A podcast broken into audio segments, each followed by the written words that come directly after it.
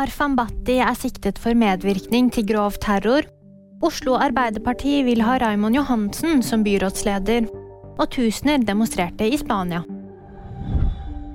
Arfan Bhatti er siktet for medvirkning til grov terror etter Oslo-skytingen i sommer. Det melder NRK.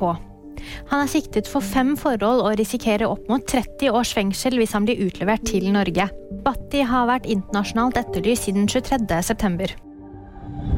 Oslo Arbeiderparti vil ha Raymond Johansen som byrådsleder i fire nye år. Han blir altså sittende som partiets byrådslederkandidat. Det ble klart under deres program- og nominasjonsmøte lørdag.